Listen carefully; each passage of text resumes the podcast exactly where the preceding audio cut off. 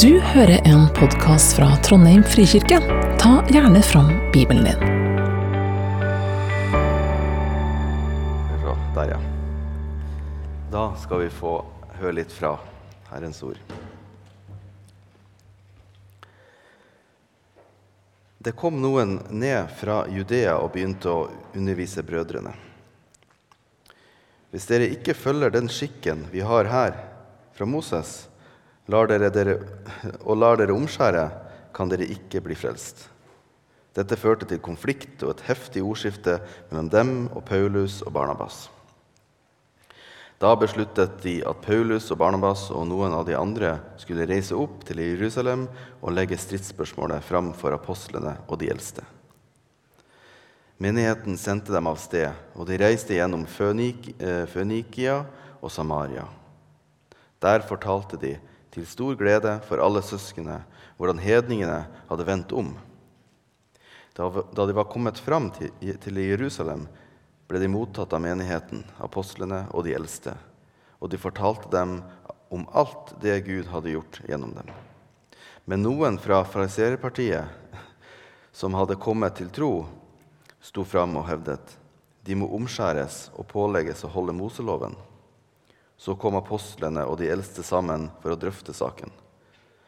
Etter et hardt ordskifte reiste Peter seg og sa til dem, brødre, vet dere at Gud for lenge siden utvalgte meg blant dere, så hedningene skulle få høre evangeliets ord av min munn og komme til tro? Og Gud, som kjenner menneskets hjerte, ga dem sitt vitnesmål ved at de fikk Den hellige ånd slik som vi. Han gjorde ingen forskjell på oss og dem, for ved troen renset han hjertene deres. Hvorfor utfordrer det dere da Gud og legger på disiplenes nakke et åk som verken våre fedre eller vi har maktet å bære? Nei, vi tror at vi ble frelst av Herren Jesus nåde, vi på samme måte som de. Da ble hele forsamlingen stille, og de hørte på Barnabas og Paulus, som fortalte om alle de tegn og under Gud hadde gjort blant hedningene gjennom dem. Da de var ferdig med å tale, grep Jakob ordet og sa, Brødre, hør på meg. Simon har forklart hvordan Gud for lenge siden sørget for å vinne seg et folk av hedninger for sitt navn. Så det går til nummer 19. Derfor mener jeg at vi ikke skal lage vanskeligheter for de hedningene som vender om til Gud. Men vi skal skrive det eh, til dem at de skal holde seg borte fra det som er gjort ureint ved avgudsdyrkelse, fra hor, fra kjøtt, fra kvalte dyr og fra blod. For Moses har fra uminnelige tider hatt noen som forkynner ham i alle byer, og han blir opplest i synagogene hver sabbat. Slik lyder Herrens ord.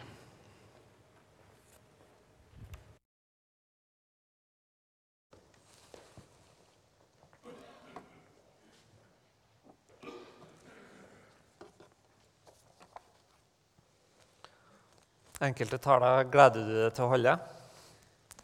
Andre gleder du deg ikke til å holde. Kanskje litt fordi at jeg nettopp har gjennomført en liksom-omskjærelse av stakkars lille Lukas. Kanskje fordi jeg skal snakke om en tekst som eh, jeg syns er utrolig interessant teologisk, eh, men som egentlig er litt vanskelig tilgjengelig.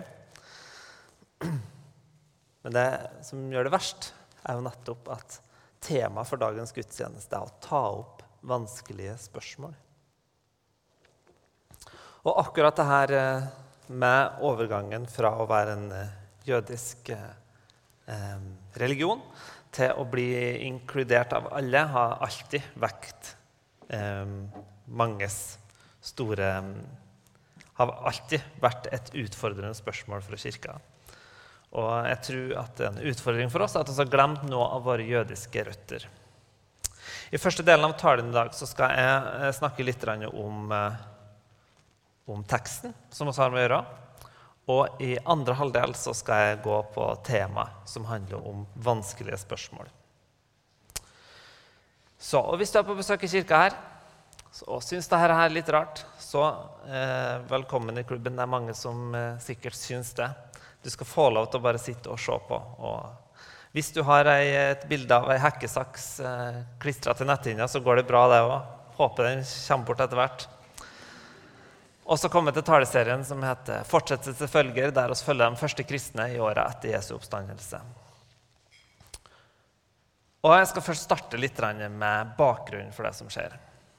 I en slags fest, portrettert som en bryllupsseremoni mellom Gud og hans folk i 2. Mosebok kapittel 18, så inngår han en pakt med dette folket. Og en pakt, en avtale, den har noen eh, avtale noen ting du skriver inn i avtalen. Terms of agreement. Som du alltid klikker på når du laster ned en ny app. Så trykker du på Terms of agreement, og så sitter noen og følger med på alt du gjør på mobilen din. Og litt på samme måte var det, som, uh, var det med israelsfolket. At de inngikk en sånn Terms of agreement med Gud. Og de Terms of agreement det var nettopp loven. De eh, har forplikta seg på at de skulle holde loven og så skulle eh, Gud velsigne dem og beskytte dem for folka rundt. Så ja, I 2. Mosebok 19 rett etterpå så står det hvis dere adlyder min røst og holder min pakt, skal dere være min dyrebare eiendom framfor alle andre folk. For hele jorden er min. Dere skal være et kongerike av prester og et hellig folk for meg. De skulle være mellommann mellom Gud og folka. De skulle være til velsignelse for alle folk.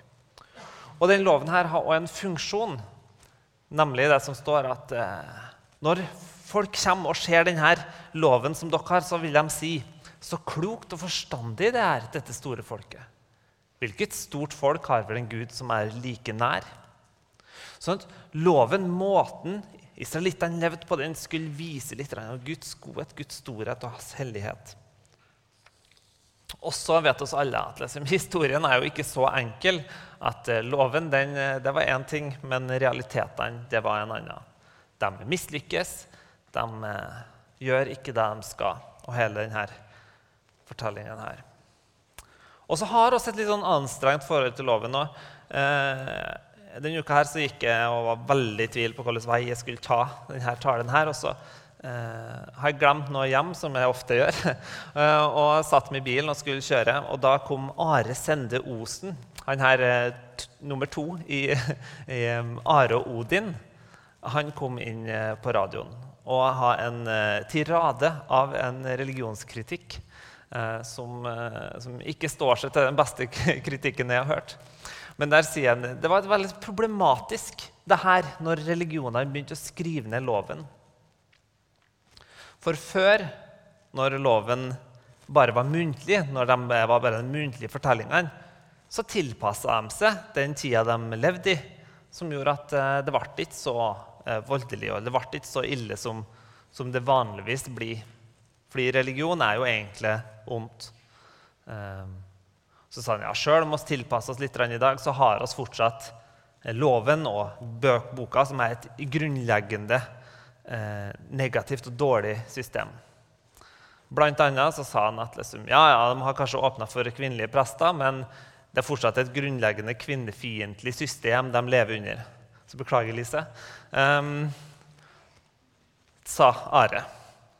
Jeg er jo riv ruskende uenig med den påstanden.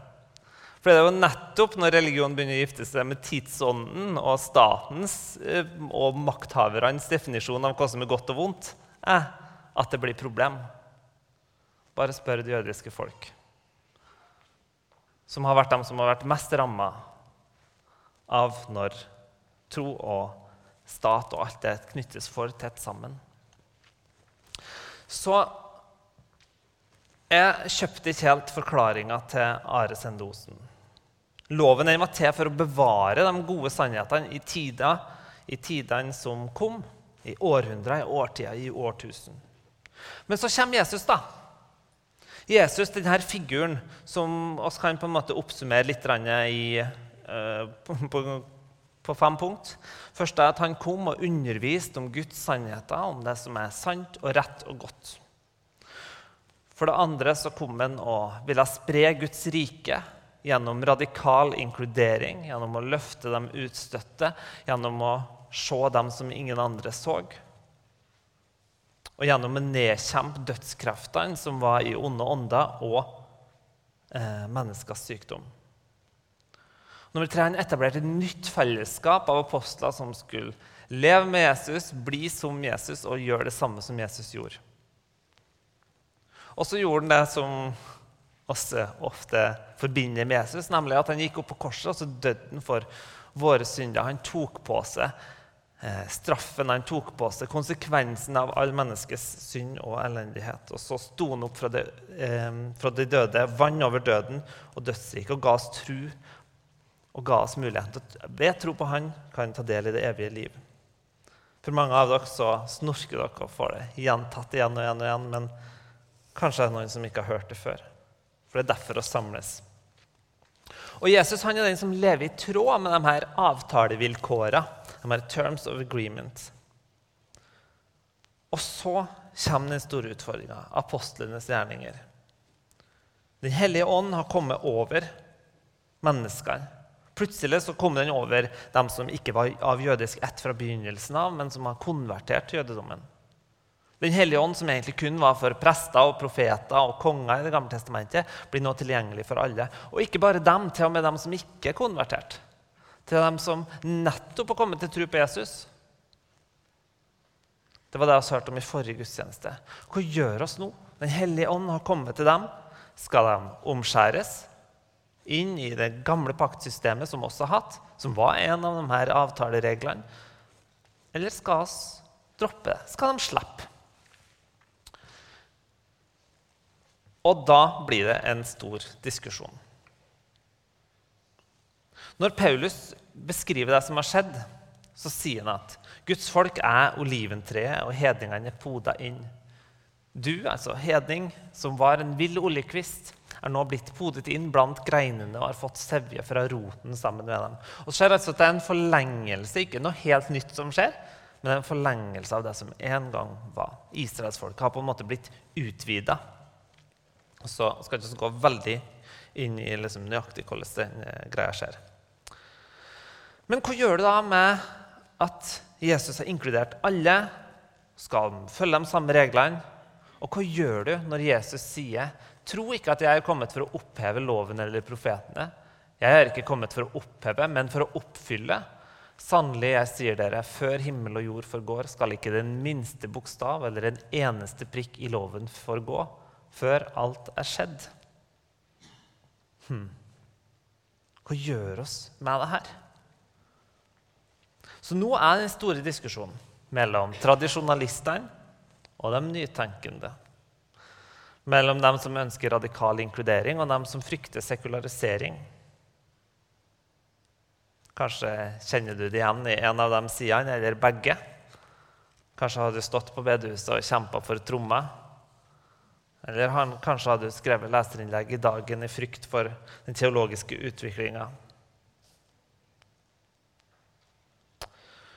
Og nå står slaget om omskjærelse, det som var selve paktstegnet.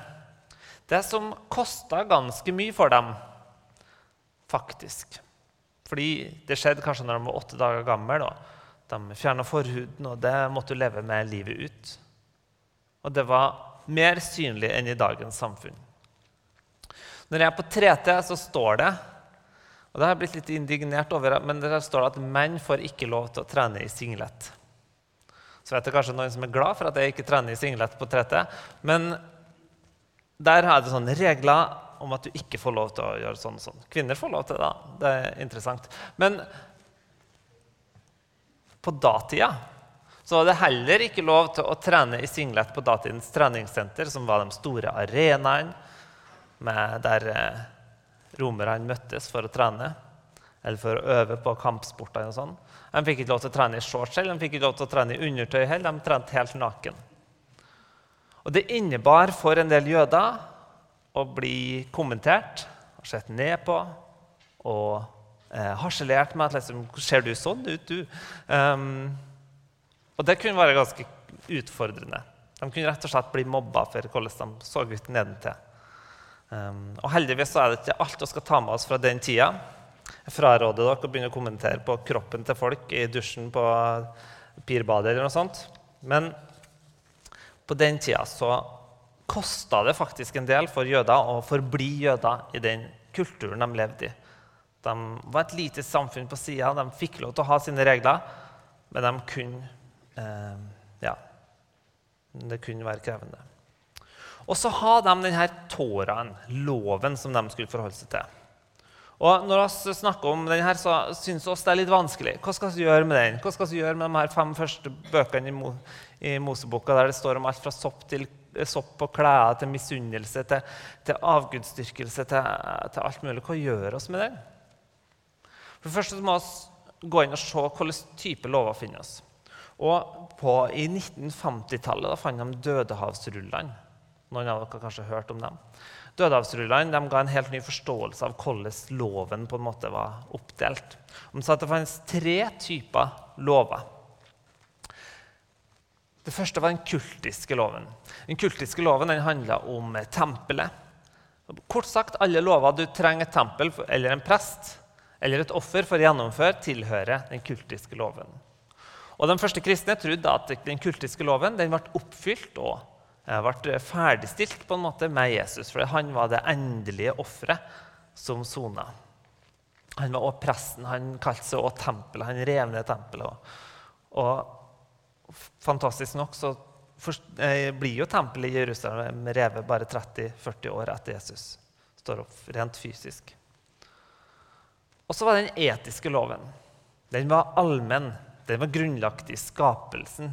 Her snakker vi om de ti bud Interessant nok så er jo sabbatsbudet det er et av de første budene som nevnes i Bibelen, knyttes til skapelsen. For det er også skapt sånn. Det samme med ekteskapsspørsmålet.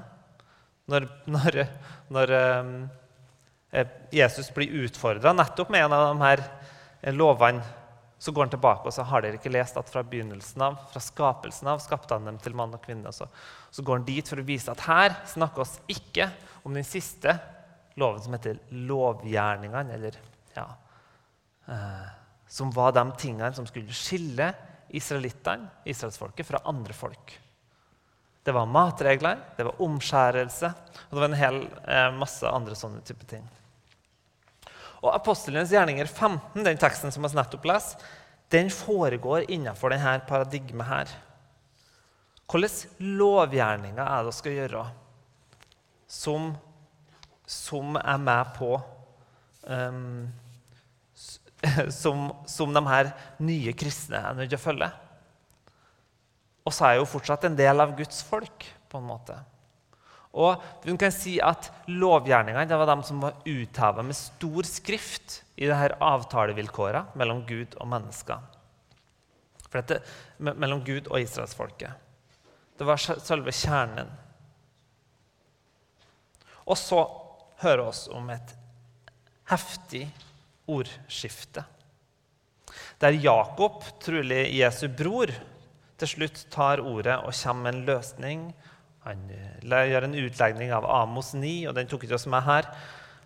Men så, så beslutter de hva de mener. Den hellige ånd og vi har besluttet. Jeg får litt sånn flashback til når pappa kunne komme og si Du, Ingebrigt, mamma og jeg har snakka litt sammen. Da visste du liksom at nå er det på tide å gjøre litt mer oppvask, eller nå må du bli med litt mer i fjøset. eller nå må du liksom... Og så kom det en eller annen ting. Den hellige ånd og vi har besluttet, sier de. Og kanskje var det fordi at de så at Den hellige ånd han har jo faktisk begynt å utøses over mennesker som ikke var omskjært. Som ikke har gått gjennom alle de her ritualene for å være, gå fra greker til jøde. Og så landa hun på beslutninga at eh, av hensyn til alle de her jødene som bor omkring i de her byene, og for å unngå fullstendig utglidning blant hedningene, så ber de dem holde seg borte fra det som har med avgudsdyrkelse å gjøre. Vil si dyr som ikke er slakta på rituelt vis. Vil si blod, fordi livet er i blodet. Det vil si altså kvalte dyr. Det har blod i seg. Og eh, seksuell aktivitet som foregår utafor ekteskapet, som må kalles for hor. Alt dette var knytta til tempelkulten i, eh, i, eh, i Romerriket, som de levde i. Og så tenker noen kanskje ja, men det hørtes jo enkelt og greit ut. Hvis de er hedninger og de bare liksom skal holde, holde ektesengen ren og liksom sørger for at de ikke spiser kjøtt av kvalte dyr, og, og sånn, det må jo være ganske greit. Men da glemmer vi oss litt at tempelet på den tida det var, liksom, det var sentrum i hele, hele det som foregikk, det sosiale livet. Det å si nei til offerkjøtt innebar å si nei til å bli med på festen. Det å si nei til å være med og møte hora, det var Da ble du sett ned på, du kunne bli utestengt, du kunne miste din stemme i samfunnet fordi at du ikke var med på alt det som alle andre gjorde. Menn har nemlig full frihet i hvordan de skulle leve seksuelt, og kvinner har ikke det. Og nå kommer Gud og sier at nå, mannfolk, nå må dere leve på samme måte som kvinner. Det innebærer altså en stor sosial kostnad for hedningene. her. Det var ikke sånn at når de kom og fikk dette budskapet, her, så var det så, så liksom, ja, De var kanskje letta for de slapp å omskjære seg, som er en ganske eh, stor prosess når du har blitt voksen. Men når de i tillegg får det her, må vi holde oss bort fra det her òg. Blir ikke det litt mye? Men det var sånn som de valgte å løse det. Og så kan vi også lese masse videre om hvordan eh, Paulus eh, forholder seg til det senere. Første Korinterbrev 8-11 er interessant på den måten. Men det som er interessant, er nettopp det her heftige ordskiftet. Som virker å være litt forbundet med en del frykt. Hva skjer med de gamle tradisjonene? Hva skjer med å være annerledes enn verden rundt? Eller på den andre sida Hva med de her sårbare blant oss? De som nettopp har blitt troende? Som er hedninger, som lever i et ugudelig system? Kan vi virkelig kreve noe sånt av dem? Så går debatten. Og I dag så ser vi så mye av de samme fryktmekanismene når de skal begynne å ta opp vanskelige spørsmål.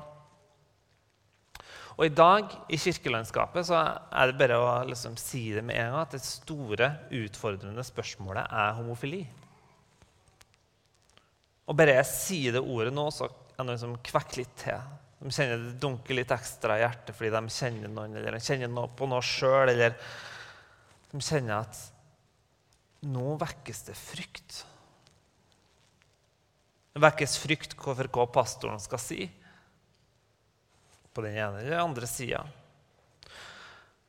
Men vi må våge de her vanskelige spørsmålene. En menighet som ikke våger vanskelige spørsmål, kommer fort i vanskeligheter. så behøver vi ikke å glatte over at det finnes ulike syn i Frikirka, sjøl om oss i Eldsterådet og pastor, blant pastorene og staben står på Frikirkas lære. Men oss tror oss er rasjonelle vesener. Og så må vi bare erkjenne at med en gang vi begynner å snakke om de her vanskelige tingene, så vekkes det masse følelser som gjør at det er vanskelig å tenke klart. En um, israelsk-amerikansk um, psykolog og filosof som, um, som heter Daniel Kahneman han er også nobelprisvinner i økonomi. Han har skrevet om å tenke fort og langsomt. Og snakker om at eh, vi har to system i hjernen vår. Det første systemet er det som tenker fort. Det er automatisk og hurtig. Det er ikke viljestyrt. Det er sånn at med en gang jeg sier et ord, så får dere en tanke. Ehm, det er det som Ja. Det er det som gjør at eh, med en gang viser bildet her, så tenker dere hun er sint. Og så begynner dere å se litt mer på det, og så tenker dere, fordi at dere ikke er følelsesmessig involvert i det, så begynner dere å tenke mer og mer, og så begynner dere å se ja, det var kanskje litt sånn falskt uttrykk i ansiktet. og Litt sånn tydelig um, bilde av, uh, av, en skuespiller eller et eller annet sånt. System 2 det er det langsomme systemet. Det er det som er mer anstrengende. Det som krever ganske mye mer kalorier, og som derfor ikke aktiveres hver gang det kommer opp et eller annet for dere. System 1 brukes i reklame. System 2 brukes i de lange samtalene. Det krever lengre tankerekker og resonnement. System 1 funker ikke på denne utfordringa her. 37 ganger 54. Førstemann, hvis jeg bare roper ut. Men um, For utfordringa her er at vi så lett blir aktivert, vi blir så fort følelsesmessig berørt, og da er det system 1 som kicker inn. Da dukker slagordene opp. Da dukker størst av alt er kjærligheten. Eller oss må passe på sånn som bibeltro. Eller Ja, jeg vet ikke. Vi kjenner dem. Slagord er aller gunstig når du skal snakke om vanskelige tema. Reklamelogikken vil bare føre til mer splittelse, vekke følelser og frykt. Og Sånn ønsker iallfall ikke jeg at oss som menighet skal møte vanskelige spørsmål. Og så, når det er sagt Det er den første tingen som gjør denne samtalen vanskelig. Og så skal jeg nevne to ting til som mer, handler mer om oss som menighet og som, som kirke og alt de type tingene. Spesielt da når det kommer til homofilispørsmålet. Det første som er erkjenner, at til tross for at teologien er viktig, det er den, så handler det veldig mye om opplevelse til utenforskap. Og Peter han er jo rett på temaet. Vi kan ikke legge på dem et åk som vi ikke sjøl har makta å bære. Vi må huske at denne teksten her handler om den lovgjerningene, om reglene som skulle skille folk fra andre folk. For temaet om samliv handler om den etiske loven. Men å snakke her om at utsagnet til Peter er ganske viktig. For de første kristne så var det å følge Jesus noe som kosta ganske mye for alle. Men de bar kostnaden sammen, og alle gjorde det. Det betydde at eh, alle var inkludert. Det betydde at alle sammen ble invitert til å være med og gå den tunge veien sammen.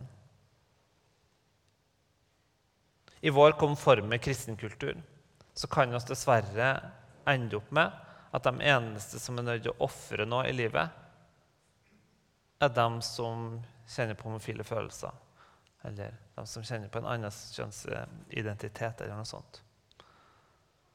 Mens andre kan bare leve livet sitt sånn som de ønsker. Fordi at vi har blitt så vant til at vi bare kan leve livet akkurat sånn som vi vil, og ha Gud og Jesus som en liten sånn hobby på sida. Men det kristne fellesskapet er et fellesskap av mennesker som går sammen i det vanskelige. Og for å kunne gå sammen i det vanskelige og det som er tungt, og det som kan koste mye, så må vi våge sårbarheten. Vi må våge å erkjenne at oss er sårbare. At oss mislykkes, at det er områder i livet som vi kan si oss får ikke til. Veldig mange av dem som kjenner på homofile følelser, vil kjenne på et utenforskap fordi de ikke føler seg forstått, eller at de er annerledes, eller at de blir sett mer ned på av oss som menighet eller ikke. Og jeg ønsker å påpeke igjen, hvis du kjenner på det, eller kjenner noen som kjenner på de følelsene, at du er ikke så annerledes som du tror. Du kjenner kanskje på utenforskapet. Og det skal vi erkjenne, og det kan være vondt. Men jeg kan ikke si 'stakkars dem som har et utfordrende forhold til seksualiteten din'.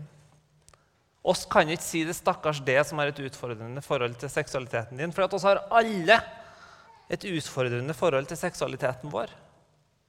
Og står alle på utfordringa mot å si nei til noe vi har lyst til.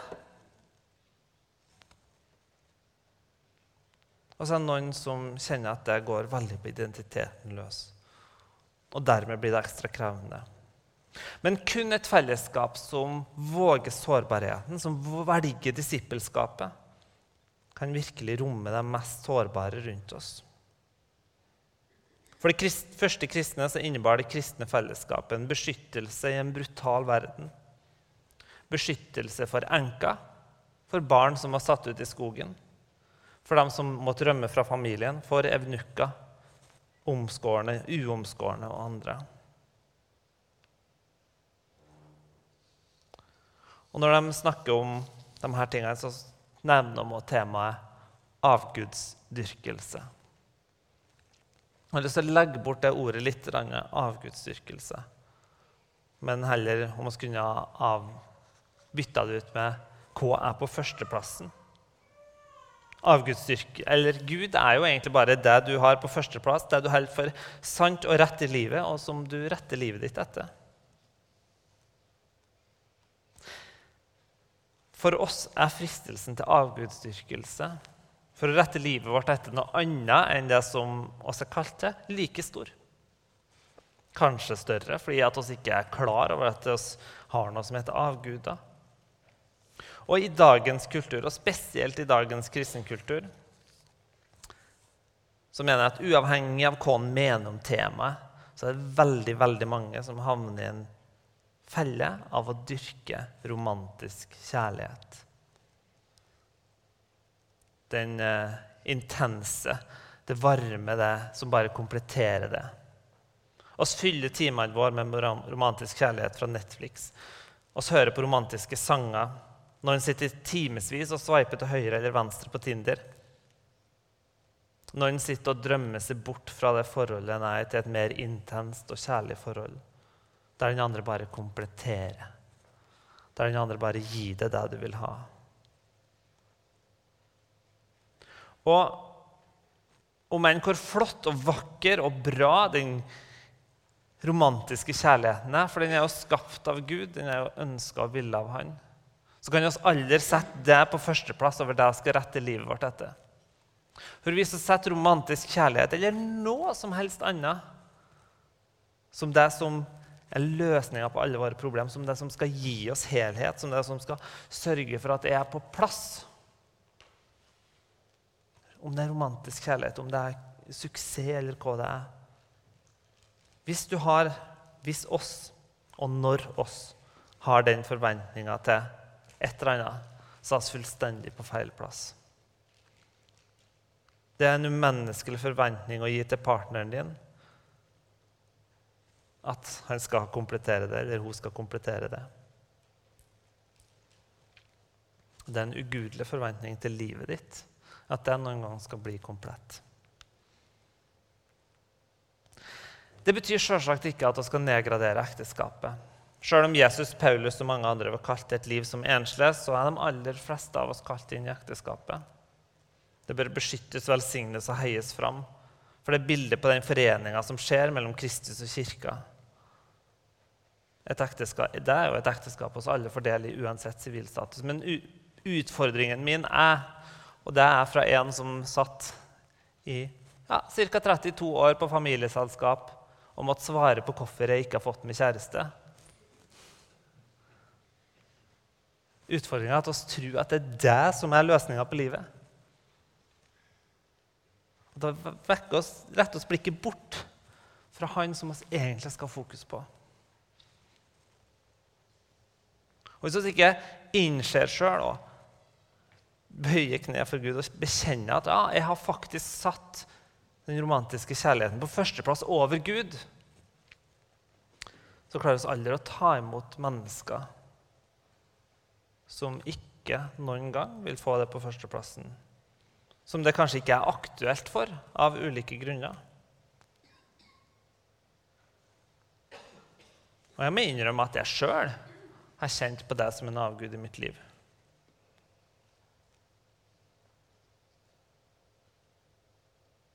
Da må vi innse at livet det er ikke komplett uansett. Men vi får lov til å tilbe den komplette Gud og rette livet oss mot Han. Så nå har jeg nevnt at vi må forstå at utenforskap det er et, en utfordring i de tingene her. At vi er sårbare mennesker også, som må legge ned våre liv ned for Jesu føtter og ta på oss hans sitt åk. At alle er kalt til det. Og så vet jeg at mange nå på en måte forventer at jeg skal gi en klar og tydelig på forklaring på hvorfor det er, og oss her forkynner et frimodig forkynner Frikirka sitt lære om at ekteskapet er Guds gode ordning for samlivet mellom mann og kvinne. Men jeg håper at når dere nå får spørsmål i ettermiddag til bibelgruppene og sånn, at dere klarer å legge bort teologien litt og snakke litt om hvordan oss møter mennesker. Hvordan vi møter denne store samtalen som er så vanskelig uten å havne i fryktfella. Jeg tror vi trenger den samtalen før en begynner å diskutere teologien. Vi må se mennesket.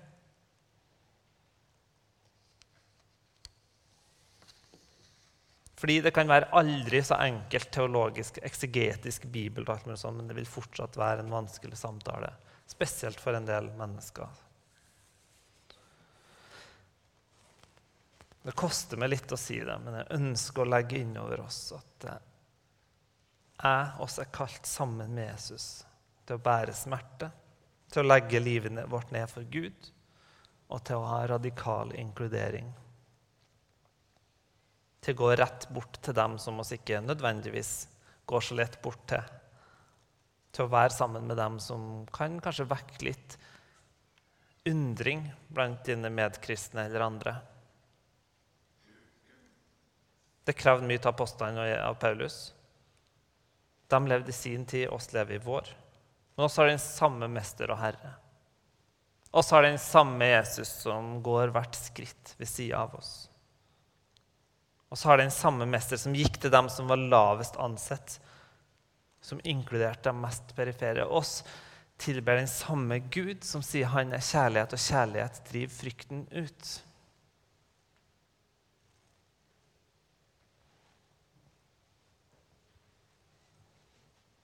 La oss be. Kjære Jesus. Hjelp oss til å møte vanskelige spørsmål med den fred som du gir. Hjelp oss til å se mennesker. Hjelp oss til å holde fast på det, legge ned vårt liv for det og følge det. Hjelp oss til å gå sammen med alle som kjemper og lider, og lider med. Og du òg gi oss frimodighet til å stå på Bibelen og, og være forplikta av din gode ordning. Takk, Jesus, for at du er god, og at du tillater mennesker å gå skritt for skritt sammen med det. Hjelp oss til å gå skritt for skritt. Og amen.